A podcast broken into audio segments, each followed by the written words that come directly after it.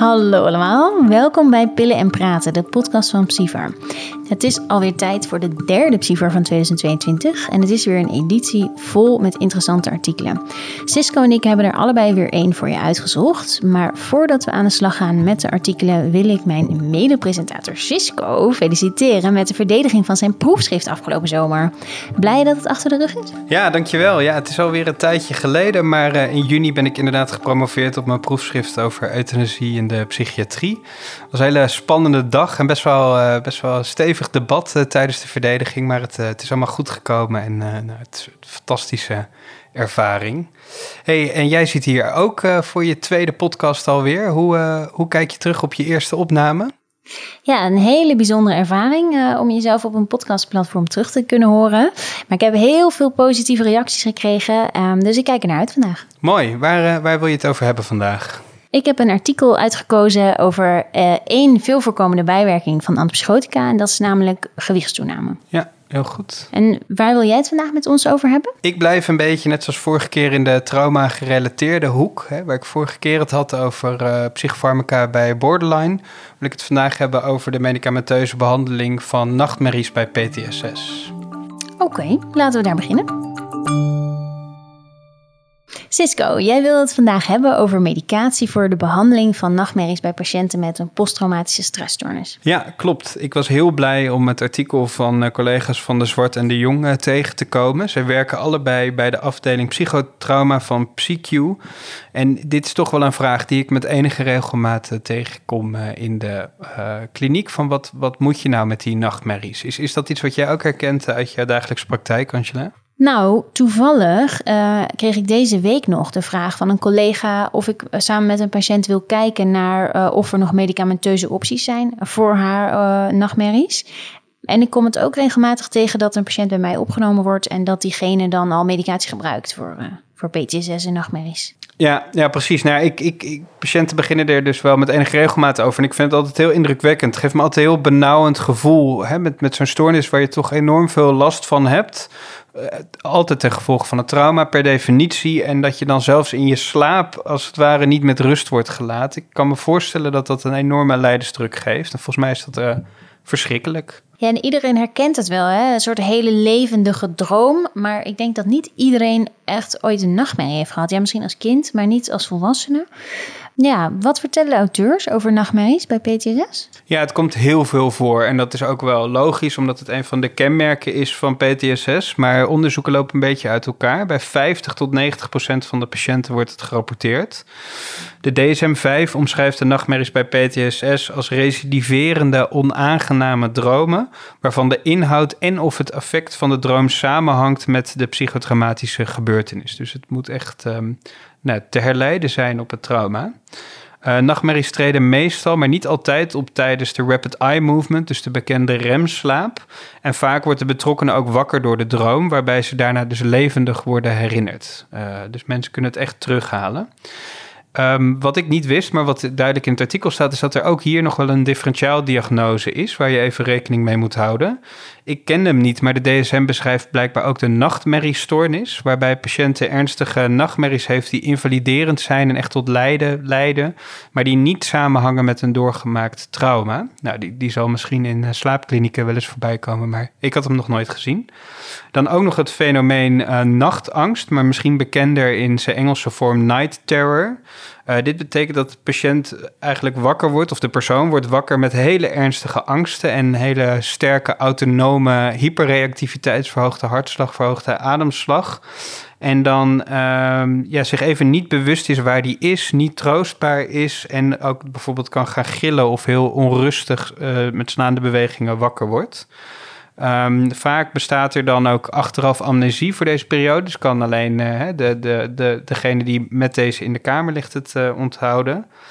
Um, en om nou onderscheid te maken tussen echte nachtmerries en deze night terror, uh, kan het moment van optreden wel behulpzaam zijn. Nachtangst komt vaak voor in het eerste deel van de slaap en nachtmerries dus meer in het tweede deel van de slaap. Nou, en dan tenslotte, een iets bekendere diagnose is narcolepsie. Die komen vooral, patiënten die hieraan lijden, komen vooral bij de neuroloog.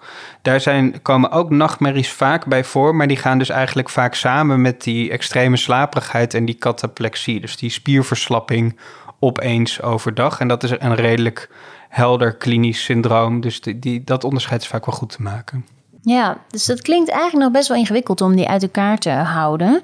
Dus ik hoor je zeggen dat een uh, slaaponderzoek dan ook wel helpend kan zijn. Maar misschien bij die mensen met PTSS, dat als er, als er PTSS is, dan, dat je dat als eerste als diagnose overweegt. En alleen als er geen trauma is, dat je dan kijkt, is het een nachtmerriestoornis of nachtangst? Of zeg ik dat niet goed? Ja, ik denk als je gewoon een patiënt met duidelijk PTSS-klachten heeft en, en ook de overige symptomen die passen bij PTSS, dat je dan niet per se naar een specifieke somnoloog hoeft te verwijzen. Maar als je twijfelt of het is niet helder, dan zou dat wel zeker een overweging kunnen zijn. Ja. Ja, Oké. En is er iets bekend over de pathofysiologie van nachtmerries? Hoe ze ontstaan of waarom ze ontstaan? Ja, nee, zoals vaak bij eigenlijk al onze diagnoses en psychische klachten zijn er allerlei aanwijzingen, maar uh, nog niet een heel duidelijk cascade van, uh, van de pathofysiologie die, die we heel direct kunnen aanwijzen. Dit is het. In ieder geval uh, laat onderzoek zien dat de hippocampus, de amygdala en de locus ceruleus betrokken zijn. De locus ceruleus, die hoor ik niet dagelijks voorbij komen. Waar zit die ook alweer? Ja, ik moest hem ook even opzoeken. Het is een hersenkern gelegen in de pons en het is de belangrijkste producent van noradrenaline. En ja, het is dus logisch dat deze kern ook een belangrijke rol speelt bij stress- en paniekreacties. Uh, maar ja, goed, hoe deze hersendelen nou uiteindelijk in samenspel leiden tot nachtmerries is, is onderwerp van, uh, van debat en onderzoek. Een van de meest invloedrijke theorieën op dit moment is die van hyperarousal, of, oftewel dus verhoogde prikkelbaarheid.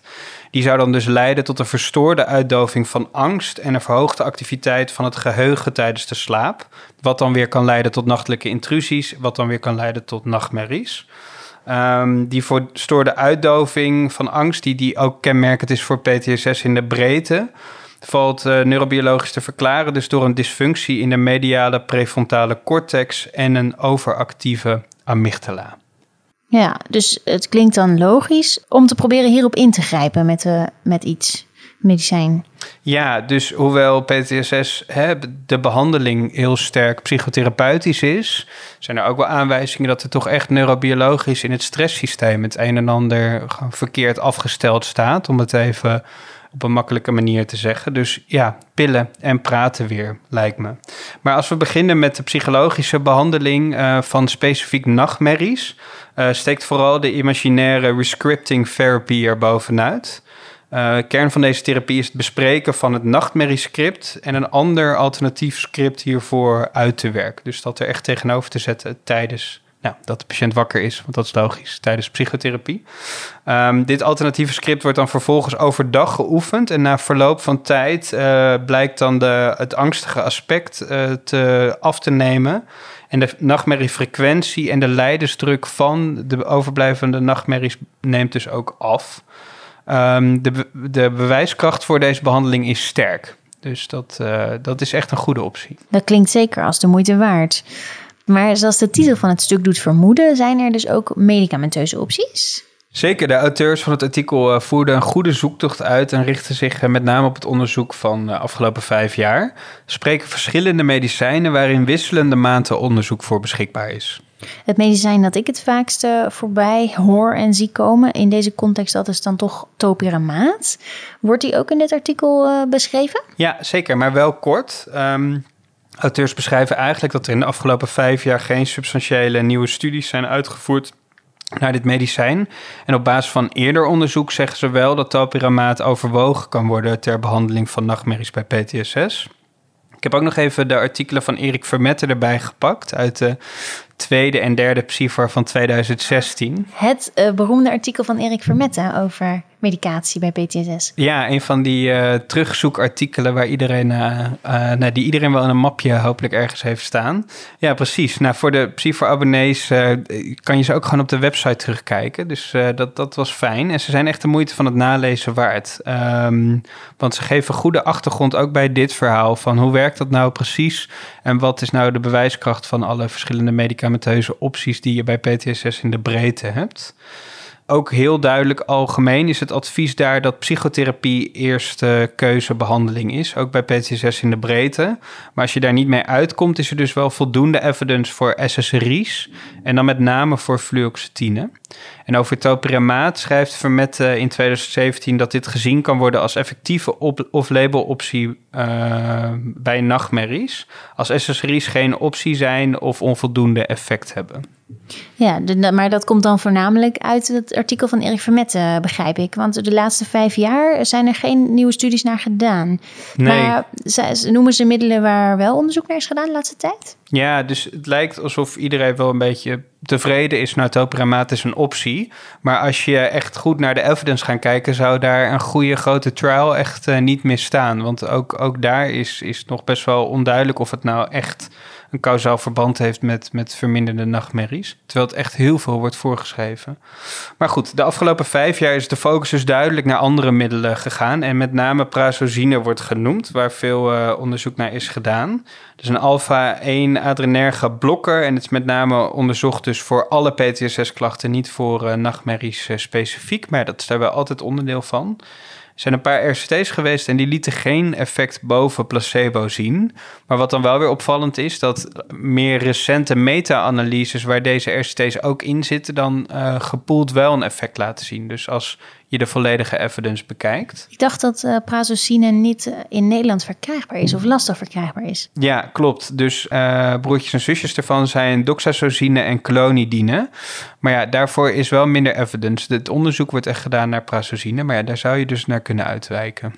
Oké, en dat zijn allemaal adrenergwerkende middelen. Zijn er ook medicijnen onderzocht die op andere neurotransmitters aangrijpen? Ja, er is ook veel gekeken de afgelopen jaren naar het effect van cannabinoïden. Um, maar helaas heeft de laatste vijf jaar geen nieuwe inzichten opgeleverd. En is het positieve effect uh, wat daarbij gerapporteerd wordt, uh, gebaseerd op twee kleine en oudere studies. Dus de auteurs van dit artikel raden die middelen ook niet direct aan nu. Dus ook wat onderzoek gedaan naar antipsychotica, maar echt nog het, op het niveau van uh, case reports en case series. risperidon wordt vaak genoemd, maar ook het uh, wat nieuwere middel brexpiprazol uh, wordt in deze context genoemd. Maar ja, nog echt een lage bewijskracht. En tenslotte noemen de auteurs ook nog rivastigmine als optie, waarbij een open label studie laat zien dat 75% van de patiënt, van de patiënten een afname van nachtmerriefrequentie vond. Maar ja, dus geen andere arm, niet placebo gecontroleerd, dus ook niet echt een hoge bewijskracht. Dus over de linie is de evidence echt best wel zwak. En uh, dat geldt dus met name voor die antipsychotica en de rivastigmine. Duidelijk. Dus voor die laatste middelen die je noemt, is nog onvoldoende bewijs. Ja, dat is denk ik wel de beste samenvatting. Het is een klein beetje inherent aan de opzet van deze podcast, waar we toch met name over farmacotherapie hebben, dat we altijd vrij kort ingaan op de psychotherapie. Maar net zoals vorige keer bij uh, farmacotherapie voor borderline wil ik nu toch weer benadrukken dat psychotherapie echt de basis is. En dat ook de eerste keusbehandeling is. Als je daar dan echt niet uitkomt, dan uh, komt farmacotherapie kan wel een aanvullende goede rol spelen. Uh, bij PTSS en nachtmerries bij PTSS zou, dat, zou je dan dus met name kijken naar SSRI's omdat die dus ook wel een bescheiden effect hebben op die nachtmerries. Maar dus ook de rest van de PTSS-symptomen wel uh, lijken uh, te verminderen. Als dit geen optie is, zou je dus het kunnen hebben over topiramaat, prazosine of toch uh, risperidon. Maar wel heel duidelijk shared decision making en duidelijk zeggen dat het off-label opties zijn. Heel interessant. Dankjewel, Cisco.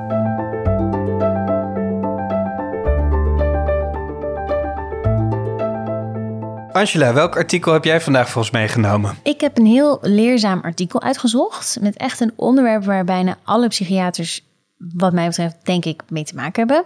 Het gaat over gewichtstoename bij antipsychotica gebruik en over de behandelmogelijkheden daarvan. En het artikel is geschreven door de boer en haar collega's van het UMC Utrecht. Ja, heel goed. Gewichtstoename bij antipsychotica, daar, daar staan ze helaas wel een beetje onbekend. En ook het machteloze gevoel wat dat bij ons eh, vaak oproept, komt bij mij ook bekend voor.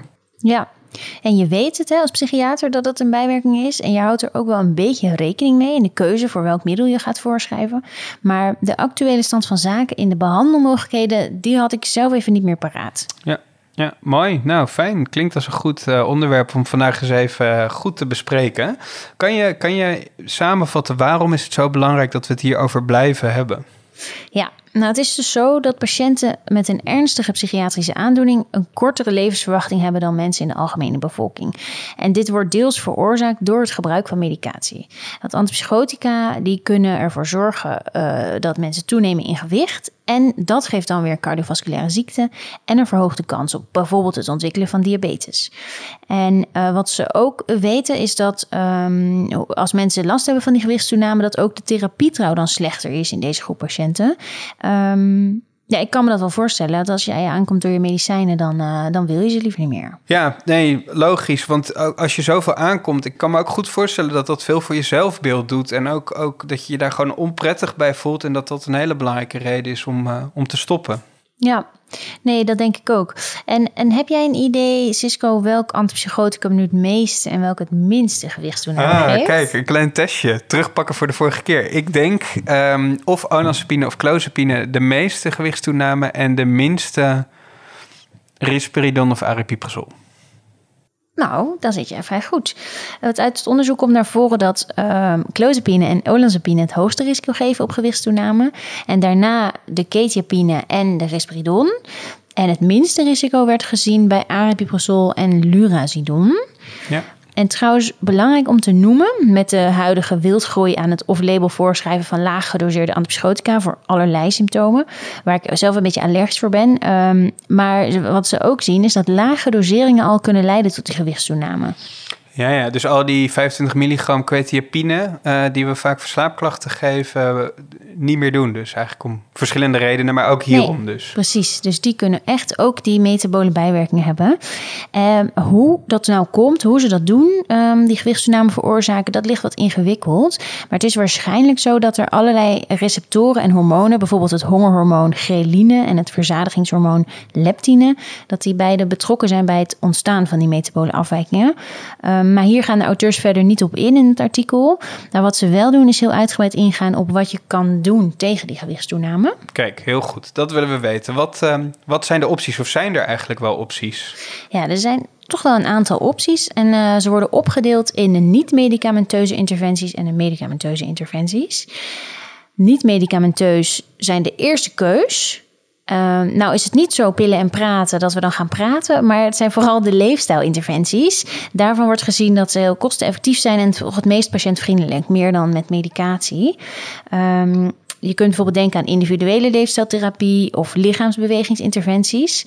Maar wat helaas blijkt is dat het vasthouden van gewichtsverlies erg lastig is. En de optie van bariatrische chirurgie is, dat is nog niet onderzocht voor deze doelgroep en of dat dan kan werken. En um, bij medicamenteuze interventies, dan moet je als eerste denken aan het wisselen van het antipsychoticum naar een middel met minder metabole bijwerkingen.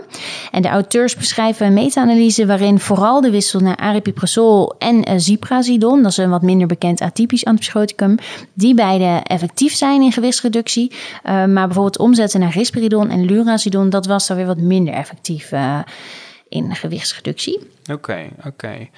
Uh, en, en zou het dan ook helpen om de dosis te verlagen, bijvoorbeeld? Ja, dat zou je logischerwijs wel denken. Maar in 2021 is er een meta-analyse gedaan naar interventies gericht op gewichtsvermindering. En daaruit blijkt dus dat dosisverlaging niet effectief is. En het wordt dan ook door auteurs niet als interventie aangeraden. Nee. En wat uit diezelfde studie ook kwam, uh, is dat gewichtstoename niet volledig reversibel is. Dus dat moeten we ons heel goed beseffen. Dus de patiënten die antipsychotica gebruiken, die blijven altijd zwaarder dan voordat ze antipsychotica gingen gebruiken. Ja, en op... voordat ze aankwamen in gewicht. Hè? Dat is natuurlijk niet voor iedereen zo, maar... Nee, op groepsniveau dus. Ja. Want er zijn Ja, ook mensen waar dat niet voor geldt. Maar ja, dus bezint eer begint, denk ik. En je kan dus eigenlijk proberen om, uh, als iemand dan toch echt aan de antipsychotica moet, om te proberen die gewichtstoename te voorkomen, lijkt me dan. Ja, preventie is hierin erg belangrijk. Uh, wat je zou kunnen doen, is dat je, als je het antipsychoticum start, dat je daar directe leefstijlinterventies uh, bij start. Uh, of je kunt dus denken aan medicamenteuze interventies. Er zijn er een aantal die worden genoemd uh, in het artikel. Als voorbeeld liraglutide injecties. En liraglutide is een, een ja, dat stimuleert eigenlijk de insulinesecretie en zorgt ook voor een verminderde eetlust. Het is een medicijn wat eigenlijk wordt gebruikt voor mensen met obesitas die gewicht willen verliezen. En er zijn dus nu twee gerandomiseerde onderzoeken gedaan en daaruit blijkt het ook effectief bij patiënten met schizofrenie. Alleen helaas leek het dus zo te zijn dat na het stoppen van het medicijn de mensen ook meteen weer aankwamen in gewicht. Ehm, dus er zijn helaas nog onvoldoende lange termijn studies en ook te weinig grote schaalstudies om, uh, dit nu al in te zetten bij onze patiënten. Ja, oké. En, en ik eh, dus die kende ik nog niet. Wat ik wel eens hoor is metformine in deze context. Is daar ook onderzoek naar? Ja, grofweg het meeste onderzoek is gedaan naar metformine als additiestrategie bij antipsychotica. In doseringen tussen de 500 milligram en de 2000 milligram uh, lijkt metformine effectief te zijn. Zowel in het voorkomen van die gewichtstoename als in het uh, afnemen in gewicht als iemand al aangekomen is. Uh, metformine verlaagt namelijk de hoeveelheid suiker in het bloed. Een ander voordeel is dat metformine goed wordt verdragen. Dus dat het heel weinig bijwerkingen geeft bij patiënten. Mm, mm, mm. Nou, bij, bij de oudere populatie waar ik mee werk, uh, zie ik metformine eigenlijk altijd voor diabetes type 2. Maar dit zou dus ook een indicatie kunnen zijn. Ja, ja, klopt. Het wordt natuurlijk heel veel voorgeschreven voor diabetes. Daar is het ook voor geïndiceerd. En um, als je het toepast al voor gewichtsafname bij antipsychotica gebruik, dan is het eigenlijk nog een off-label toepassing. Hm. En een ander middel wat wordt beschreven, dat is het antiepilepticum topiramaat, waar we het net ook al over hadden. Um, additie van topiramaat bij een antipsychoticum lijkt ook effectief in het verminderen van gewicht, maar het geeft opvallend veel bijwerkingen, veel meer dan metformine. Uh, kan bijvoorbeeld agitatie zijn, cognitieve bijwerkingen of paresthesieën, dus dat is die gevoelssensatie, bijvoorbeeld wat we kennen van, uh, van de perifere neuropathie. Um, dus je moet dat wel heel goed tegen elkaar afwegen in de keuze voor dit middel. En um, wat ze ook nog beschrijven, de auteurs, dat is uh, aripiprazol-additie. Alleen daar zijn de onderzoeksresultaten nog heel wisselend. Um, dus ik, ik, raad aan voor een gedetailleerde beschrijving uh, van deze wetenschappelijke studies ook echt uh, het artikel erbij te pakken en na te lezen. Maar kort samengevat wordt er soms wel en soms geen gewichtsafname gevonden. En worden er behoorlijk wat bijwerkingen gezien bij aripiprazol-additie, bijvoorbeeld de akitisie. Hm, ja, precies. Ja, ja. Maar misschien zou dat dan dus een optie zijn als ook psychotische klachten nog niet in remissie zijn, dat je dan een antipsychoticum wil toevoegen of zo. Nou ja, maar uh, nog onvoldoende evidence. Oké, dus als ik het samenvat, metformine en topiramaat, daar is wel bewijs voor, maar voor aripiprazol-additie nog niet. Klopt. En verder beschrijven de auteurs nog een veelvoud aan middelen die veelbelovend zijn, maar waar allemaal nog onvoldoende bewijs voor is. Dus om even een voorbeeld te geven, eh, de orlistat wordt genoemd. Dat is een lipase-inhibitor die de vetopname vermindert. Eh, de opioïde-antagonist naltrexon in een combinatiepreparaat met bupropion, die wordt genoemd. Ook monotherapie met bupropion. Alleen schrijven de auteurs ook weer op dat het ook een risico is bij uh, mensen met een psychotische stoornis. Dus dat ze daar ook wel huiverig in zijn om die voor te schrijven. Een middel als beta-histine wordt genoemd. Ook nog interessant om te vermelden is dat het artikel voortborduurt op een overzichtsartikel uit 2015. Dus dit artikel beschrijft met name de onderzoeken die sinds 2015 zijn gepubliceerd. Uh, dus het is ook nog uh, leuk om dat andere artikel er nog even ja, bij te pakken. Ja, heel goed. Jeetje, dus hè, waar mijn artikel net liet zien dat er heel weinig onderzoek wordt gedaan, uh, hoor ik hier dat er ontzettend veel onderzoek wordt gedaan. Maar het lijkt me dus ook goed om dit nog eens allemaal even goed na te lezen in de PSIFAR. Waren er nog opvallendheden die, die je echt wil delen nog voor vandaag? Nou, wat mij wel opviel, was dat de auteurs beschrijven dat de meeste gewichtstoename optreedt in de eerste paar maanden na het starten van het antipsychoticum. Um, dat wist ik eigenlijk niet zo. Ja, je weet natuurlijk wel dat als je het start, dat je daar dan op let. Maar dat het ook echt in die eerste maanden gebeurt. Um, en ook interessant was dat ze nog noemen dat er een aantal factoren zijn om mensen te herkennen die een hoog risico lopen om uh, aan te gaan komen in gewicht. En dat is namelijk iemand, dus hoe jonger, hoe meer risico. Een BMI onder de 25. Uh, en ook um, als je in het eerste, de eerste maand nadat je een antibioticum start meer dan 5% gewichtstoename ziet. Dat is ook een risico om meer okay, gewicht aan te komen. Oké, dus extra oppassen bij jongeren, mensen die niet al overgewicht hebben. En als je het echt tussen twee consulten duidelijk gewoon ziet toenemen, dan, dan moet je eraan denken. Ja, precies. En dan is de eerste keuze vooral wisselen van antibioticum. Ja, heel goed. Nou, meteen de oplossing erbij. Dankjewel, Angela. Zo, dat was hem alweer. Cisco, wat moeten de mensen thuis nou echt onthouden over jouw artikel? Ja, ik denk dat er dus wel een rol kan zijn voor medicatie ter behandeling van nachtmerries voor PTSS, maar alleen als psychotherapie niet werkt. En dat laten de auteurs eh, goed, goed zien in hun artikel. Ook vond ik zeker de moeite waard om die oude artikelen van Erik Vermette weer eens terug te zoeken online. Uh, ja, die staan echt nog als een huis, zoals je al zei. Het zijn uh, een soort van standaardwerken geworden. En geven snel een belangrijk overzicht over de rol van psychofarmaca bij PTSS. En dat was gewoon leuk om weer eens terug te lezen. En jij, Angela, als jij de luisteraars één ding mag meegeven over gewichtstoename bij antipsychotica, wat, wat zou dat dan zijn? Ja, ik zou toch graag zien dat ze twee dingen onthouden. Namelijk stap 1 bij gewichtstoename het wisselen van antipsychoticum. En als stap 2 overweeg leefstijlinterventies en of medicatieadditie. Wat staat er eigenlijk verder nog in deze Psyfar? Nou, voor iedereen die net als wij helemaal bevangen is van het podcastvieren, staat in deze Psyfar een interview met ons. Waarin we vertellen over waarom een podcast zo'n mooie manier is om informatie over te dragen. En eigenlijk mooie aanvulling is op het nascholingsaanbod.